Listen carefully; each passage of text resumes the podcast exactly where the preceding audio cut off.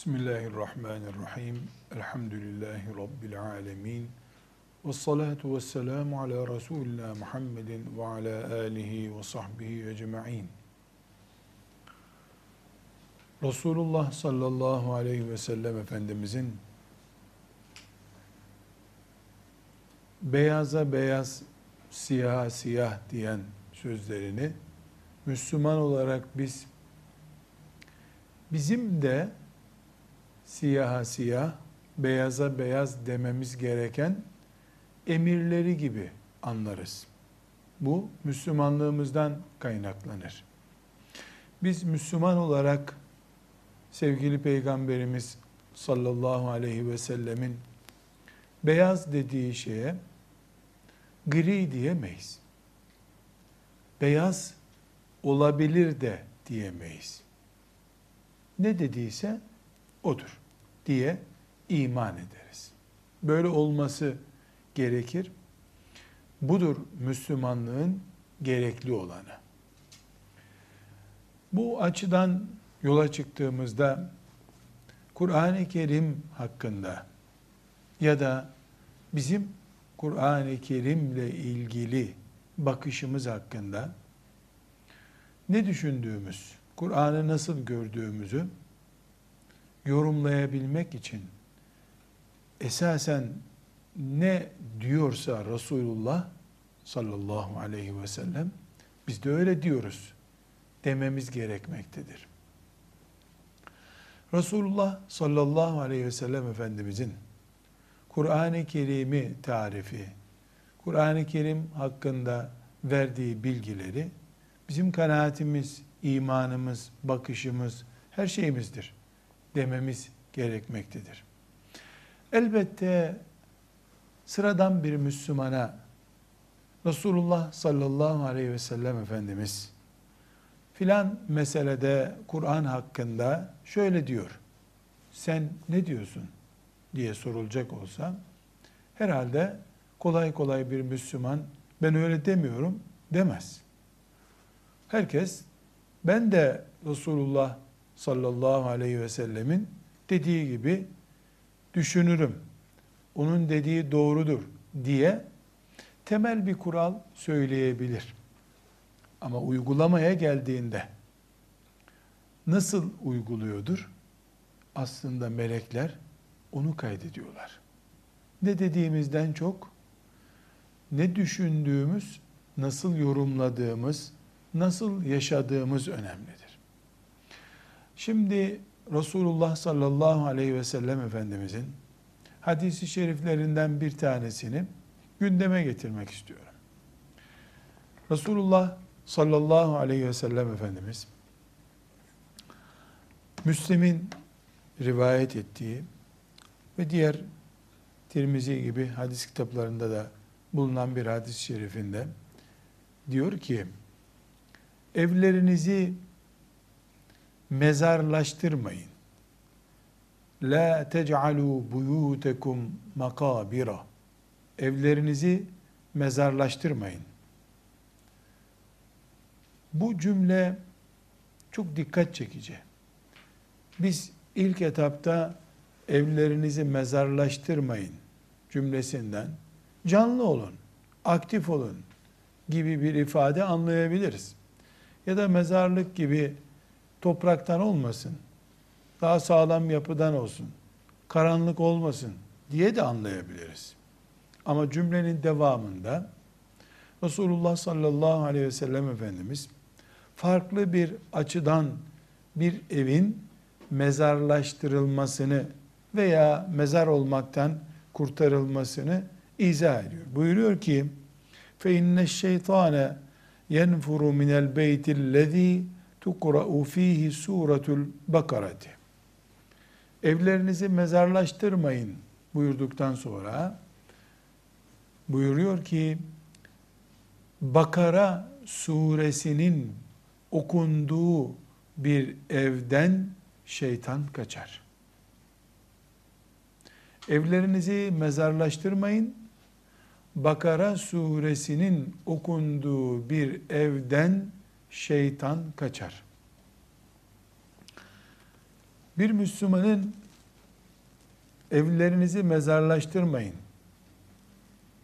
Bakara suresinin okunduğu bir evden şeytan kaçar ifadesinden ilk anlaması gereken hani Resulullah sallallahu aleyhi ve sellemin düşündüğünü düşünecektik ki biz ilk anlaması gereken şey demek ki şeytanın sözünün geçtiği bir ev mezarlaşmış bir evdir. Bir evde şeytanın sözü geçiyorsa o evde mezar havası vardır. Maddi olarak duvarlarından, penceresinden, karanlığından, kerpiçinden vesaire suyunun akıp akmamasından ölçülmüyor demek ki bir evin mezarlaşıp mezarlaşmadığı.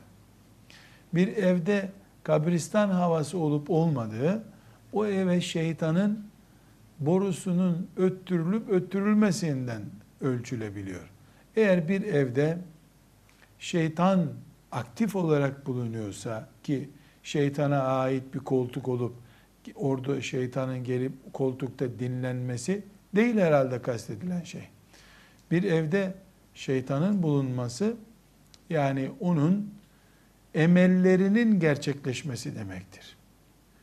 Bir evde şeytanın emelleri gerçekleşiyorsa, şeytanın işte insanlara vesvese yapmak istediği şey gerçekleşiyorsa, o evde şeytan vardır.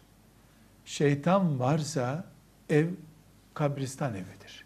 Diyor sallallahu aleyhi ve sellem Efendimiz.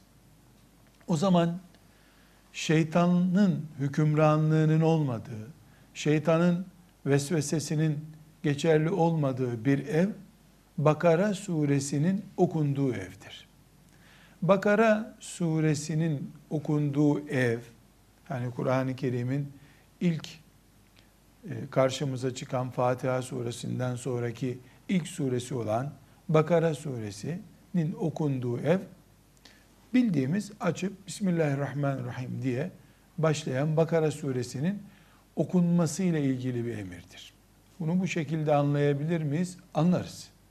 Yani Bakara suresini Elif la mim zalikel kitabu la raybe fi huden lil muttakin diye başlayıp okuduğumuz zaman bir evde o evde şeytana ait etkinin olup olmaması ile ilgili süreç başlamış demektir. Ama bu kadar mıdır bu? Elbette bu kadar değildir. Hani Müslümanın Bakara suresindeki incelikleri de eve yansıtması gerekmektedir. Çünkü tütsü yapar gibi Bakara suresini evin işte kapısının kenarında okuyorsun, üflüyorsun ya da bir suya üflüyorsun, suyu evin içine serpiştiriyorsun. Bunlar değil kastedilen şüphesiz. Böyle bir şey yok. Bir kere oturup o evde Bakara suresinin fiilen okunması bir. İkinci olarak da Bakara suresindeki gündemin Müslümanın bir evinde yaşanıyor olması gerekir. Bakara suresinde neler var? Bir, Allah'a iman, gayba iman, meleklere iman, Kur'an-ı Kerim'e iman, peygamberlere iman, Yahudi'yi, Hristiyanı ve münafığı tanımak, evlilik inceliklerini bilmek, Ramazan-ı Şerif'in orucunu bilmek, Kur'an-ı Kerim'in emirlerine itaat etmek ve benzeri Bakara suresinde ki neredeyse Kur'an-ı Kerim'in hemen hemen özeti durumundadır. Bakara suresi. O en uzun suresi Kur'an-ı Kerim'in. Yani Bakara suresinin böyle ayet ayet okunması elbette matlub olan şey o olmalı. Ama Bakara suresinin programının da evde gündem olması. Mesela bir Müslümanın evinde Bakara suresinin hiç olmasa hiç olmasa meali başlıklar halinde bir kere okunmalı kendisi okunduktan sonra. Şöyle bir yıl içinde, iki yıl içinde tefsiri de bir tefsir halkası şeklinde okunmuş olsa Bakara suresinin Peygamber sallallahu aleyhi ve sellemin kabristanlaşmamış ev için önermiş bulunduğu tavsiyesi de yerine gelmiş olur. Şimdi tekrar biz e, hadisi şerifin nasıl anlaşılması gerektiğine dönelim. Ne buyurmuştu sallallahu aleyhi ve sellem Efendimiz? E, evlerinizi mezarlaştırmayın. Mezarlık haline getirmeyin. Şeytan Bakara suresinin bulunduğu bir evden nefret eder. O evi istemez. Demek ki Bakara suresi okunmadığı sürece bir ev kabristan görüntüsü sergiler. Resulullah sallallahu aleyhi ve sellemin Kur'an'la ilgili Bakara suresiyle ilgili bakışı bu. O bizim peygamberimiz olarak sallallahu aleyhi ve sellem Bakara suresinin okunmadığı, bilinmediği bir evi mezarlık olarak görüyor. Şimdi bizim peygamberimiz sallallahu aleyhi ve sellemin bu bakış tarzı bizde de bulunmalı ki onun beyaz dediğine beyaz demiş olalım. Siyah dediğine siyah demiş olalım. Biz evlerimizde mezarlığı nasıl oluşabilir diye düşünüyoruz.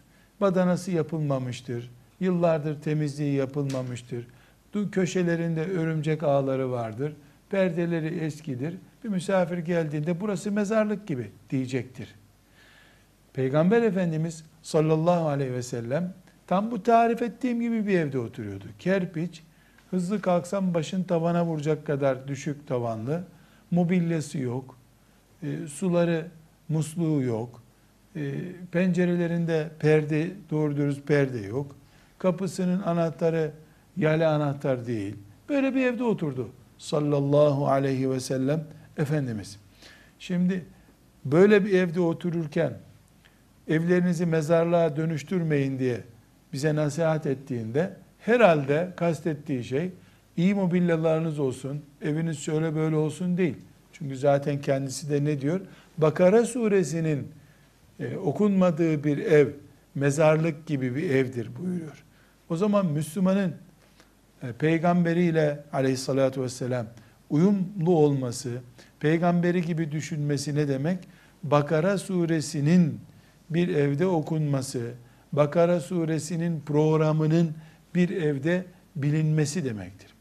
Bu ilk hamlede bir Müslümanın Kur'an-ı Kerim'in mealini alıp çocuk çoluğu evde okuyup başlıklar halinde mesela yaklaşık olarak 100 başlık çıkabilir Bakara suresinden. Başlık halinde e, bir program çıkarıp mesela orada münafıklardan söz ediyor Allah Teala. Demek ki münafıklık diye bir başlık var Bakara suresinde. Biz e, ev halkı olarak e, münafıklıkla bir bağımız var mı? Münafıklık diye bir sorun var mı? Şeklinde tefekkür edebilir Müslüman. Sonra Yahudilerden söz ediyor. Yani Yahudilerin peygamberlerini nasıl oyaladığını, peygamberlerinin sözlerini itaat etmediğini, bir deve kesin, e, bir inek kesin de bu sorun çözülsün dediğinde peygamberleri onu nasıl yokuşa sürdüklerini anlatır. Sonra da Peygamber aleyhisselamın bize emirlerini yokuşa sürüp sürmediğimizi anlatmaya çalışırız. Mesela Bakara suresinde aile içi ilişkilerde yatak odasında ne durumda olmamız gerektiğini anlatan ayetler var. Cihadı emreden ayetler var. Bütün bunları hani okula giden çocuklardan birisi kalem alıp başlıkları yazsa biz de evde mealden okusak hiç tefsire gerek olmadan bile. Çünkü meal Türkçe olduğuna göre e, ailelerinizde siz onların elbisesi gibisiniz. Onlar da sizin elbiseniz gibidir. Karı koca böyle olmalıdır diyen ayeti 10 yaşında çocuk da anlar. 50 yaşında evli barklı insan da anlar. Yaz oğlum birbirimizin elbisesi durumundaymışız deyip bir kalemi alıp elinde çocuğa yazdıysa bu şekilde Bakara suresindeki öz maddeler e, toplanmış olsa Müslümanın evini kabristan olmaktan çıkarıp mamur bir ev, huzur dolu bir ev, bizim deyimlerimizde mutlu bir yuva haline nasıl getireceğimizi anlamış oluruz. Bunu yaptığımız zaman en azından Resulullah sallallahu aleyhi ve sellemin mamur yapma, imar etme düşüncesinin ne olduğunu kavramış, biz de ona uyum sağlamış oluruz. Ama Resulullah sallallahu aleyhi ve sellemin imar etme, mamur etme düşüncesi Bakara suresinden geçerken bizimki taksitleri ödenen mobilyadan geçiyorsa aramızda görüş farkı var demektir. Onun Bakara suresi hakkındaki düşüncesi bizim Bakara suresi değil, Kur'an'ın bütünü hakkında bile kanaatimiz olarak ortaya çıkmıyor demektir. Bütün bunlar toplanınca Resulullah sallallahu aleyhi ve sellemin işte Bakara suresi hakkındaki tavsiyesi, Bakara suresinin son iki ayeti hakkındaki tavsiyesi toplandığında iman denen şey budur. Bu şekilde Müslüman iman eder. Bu şekilde imanını pratikleştirmiş olur. Bir başka hadisi şerif Resulullah sallallahu aleyhi ve sellem Efendimiz'den bu e, hadisi şerifte özellikle Bukhari'de, Ebu Davud'da, Tirmizi'de, Darimi'de e, farklı rivayetleriyle Bukhari'de bulunuyor. Resulullah sallallahu aleyhi ve sellem Efendimiz bir kanaat kullanıyor. Kur'an hakkında. Kanaat kullanıyor. Şimdi biraz önce dedim ki elbette herhangi birimiz Müslüman olarak Resulullah'ın kanaati budur. Senin kanaatin nedir sorulduğunda herhalde bizim de kanaatimiz odur. Herhalde böyle diyeceğiz. Yani peygamber öyle düşünüyor ama aleyhisselam biz öyle düşünmüyoruz diyecek tek bir Müslüman yoktur. Bunu Müslüman demez. Hatta hatta yani Müslüman olmayan bir Hristiyana bile sorulsa Müslümanların peygamberi Muhammed Aleyhisselam böyle düşünüyor. Doğru mudur dense e boş ver onu demez herhalde. Yani iyi bir insandır, iyi bir peygamberdir, güzeldir dediği der herhalde. Yani bunu güneş yukarıdadır ve sıcaktır sözüne itiraz edilmeyeceği gibi bir Müslüman peygamberim demiş ama de demez herhalde. Fakat sorun nerede çıkıyor? Doğru diyor peygamber deyip o doğruyu uygulamamakta ortaya çıkıyor. Peygamber doğru söyler. Tabi tabi doğrudur. Peki pratikte karşımıza çıkan sonuç nedir? Ee, onu düşünelim. Şimdi mesela buyuruyor ki Osman İbni Affan radıyallahu anh'ın rivayet ettiği bir hadis-i şerif bu. Sizin en hayırlınız Kur'an'ı öğrenen ve öğretenlerinizdir. Sizin en hayırlınız Kur'an'ı öğrenen ve öğretenlerinizdir. Kur'an öğrenmek ve Kur'an öğretmek. Müslüman bir toplumda en popüler iş. Memurluk imtihanında en yüksek puanla girilebilen iş. Maaşı en yüksek iş. Bir evden kız isterken başka bir şart koşmaya gerek kalmadan belge olabilecek bir iş ise Müslüman bir toplumda hayrukum men alimel Kur'ane ve allemehu hadisi bizim için geçerli demektir. Diyanet İşleri Başkanlığı'nın açmış olduğu Kur'an kursu hocalığı yarışmasında veya imtihanında, memurluğu imtihanında mesela filan meslekte, Dışişleri Bakanlığı'nda memurlukta 90 puanla memurluğa giriliyor da Kur'an hocalığı yarışmasında 99 puan bile olan giremiyorsa ancak 100 puanlı memurlar alınabiliyorsa hayrukum men alimel Kur'ane ve allemehu demektir. Sizin en hayırlınız Kur'an öğrenen yani öğrenmiş olan sonra da öğretenlerdir. Ama Kur'an kursu hocalığı ki şu andaki olduğu gibi normalde Dışişleri Bakanlığı'na girecek bir memur, İçişleri Bakanlığı'nda nüfus müdürlüğünde görev alacak bir memur, 90 küsür puanla o göreve alınıyor da Kur'an kursu hocalığının seçimi yapılan memurluk sınavında baraj olan mesela 60 puan üzerinden insan alınıyorsa, peygamberim en iyiniz budur dediği bir ortamda, bizim en iyilerimizin tenezzül etmediği memurluk branşı olan Kur'an-ı Kerim hocalığı bu durumdayken biz öyle peygamberimizin adı anılınca bu şekilde salavat için işaret yaparak ya da mevlütler okutarak veya e, filan doğum töreni yaparak mevlüt kandili kutlayarak Peygamber Efendimizin adına çiçekler, buketler yaparak kendi kendimizi aldatırız. Peygamberim aleyhissalatü vesselam bir şey düşünüyor. Düşündüğü şeyin adı ne?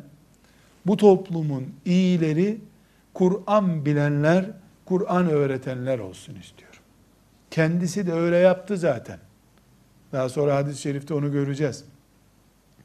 Uygulamada bunu yaptı. En iyiniz sizin Kur'an bileninizdir dedi. Ve 50 yaşında, 60 yaşında insanların önüne önder olarak 7 yaşında çocuğu geçirdi daha iyi Kur'an biliyor diye. İslam toplumu olmanın yüzeysel işareti camiler ve minarelerdir. Betonlarla ölçüldüğünde. Beton simge olacaksa minareler bir toplumun İslam toplumu olduğunun belgesidir. İnsan prestij ve şahsiyet üzerinden ölçüm yapılacaksa Kur'an'ın ne kadar saygın olduğu, ne kadar bilindiği, ne kadar öğretildiği üzerinden ancak bu ölçüm yapılabilir. Kur'an'ı öğrenmek ve öğretmek, yani bir Kur'an bilgisi, iki Kur'an-ı Kerim bilgisini başkalarına aktarmak ne kadar saygınsa toplum o kadar Resulullah sallallahu aleyhi ve sellemin paralelinde demektir. İftar vermiş olmak herhangi bir şekilde peygamberle beraber olmak değildir. Neden? Çünkü iftar vermekte yemek içmek de var, force da var, akraba arasında prestij kazanmak da var. Bunlardan sıyrılıp da yüzde yüz Allah için beş kişiyi, altı kişiyi doyurduğunu belgelemek çok zor. Ama insanların itibar edip etmediğine bakmadan, Kur'an bilen, bildiği Kur'an'ı diğer müminlere anlatma gayreti içerisinde olan insan, Resulullah sallallahu aleyhi ve sellemin emelini, içindeki heyecanını gerçekleştiren insandır.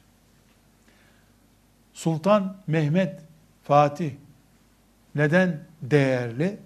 Çünkü Resulullah sallallahu aleyhi ve sellemin Konstantiniye fethini gerçekleştiren insandır. Kimseye nasip olmamış o üstün meziyet ona nasip olmuştur.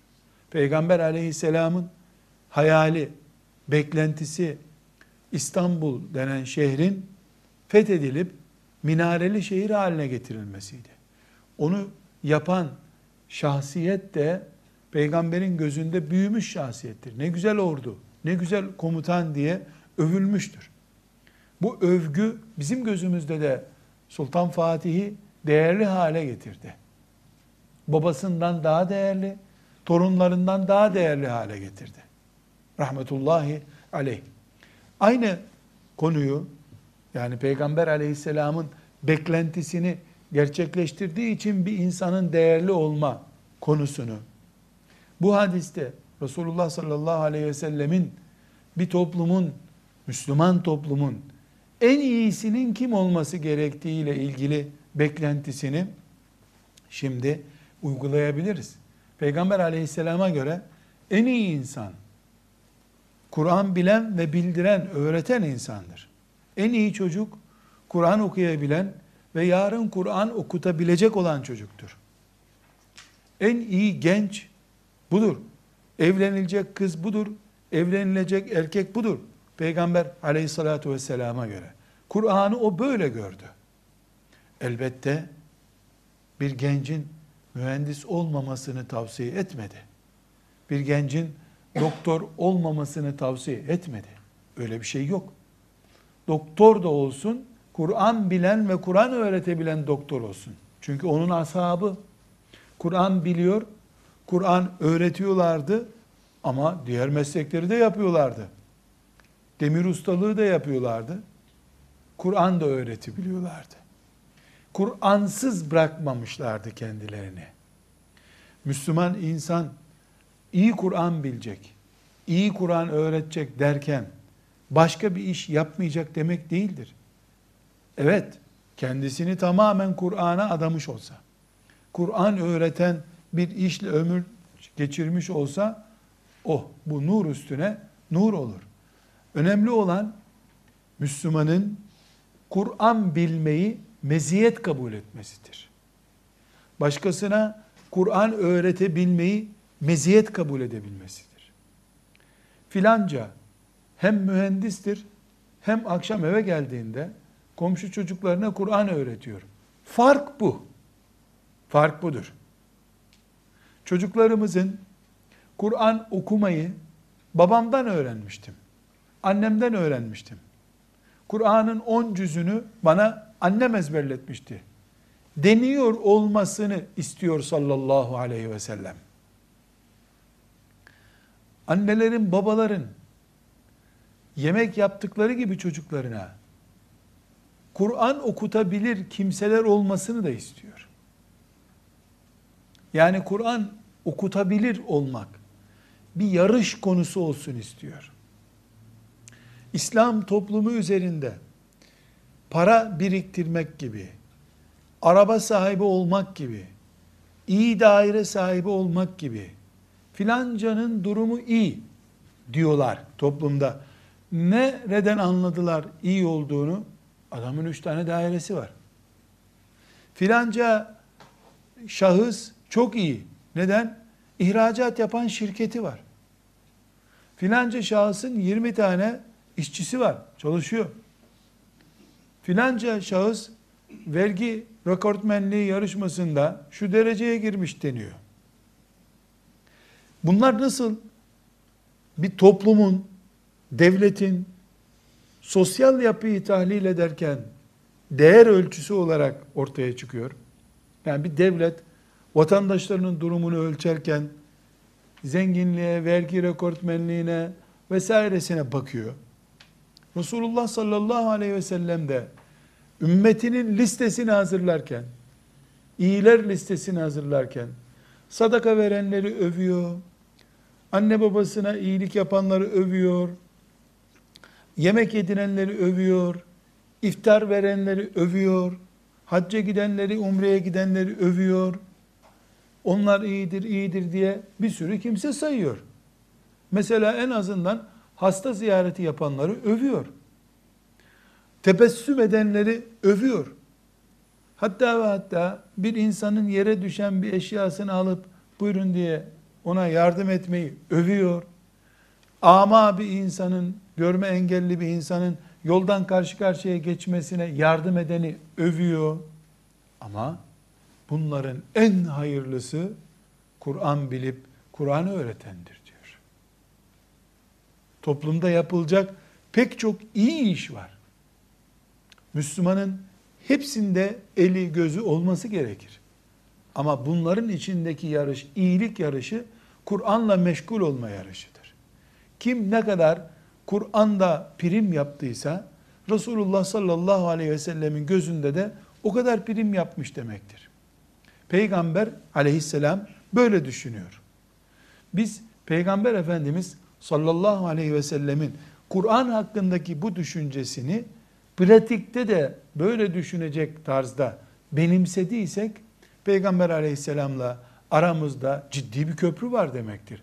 Peygamberi insanın en iyisi olarak Kur'an-ı Kerim'le meşgul olanı düşünüyor. Onun ümmetinden filan asırda yaşayan filan şahıs da Kur'an hakkında bu şekilde düşünüyor. İşte uyum bu, peygamberle uyum bu aleyhissalatü vesselam.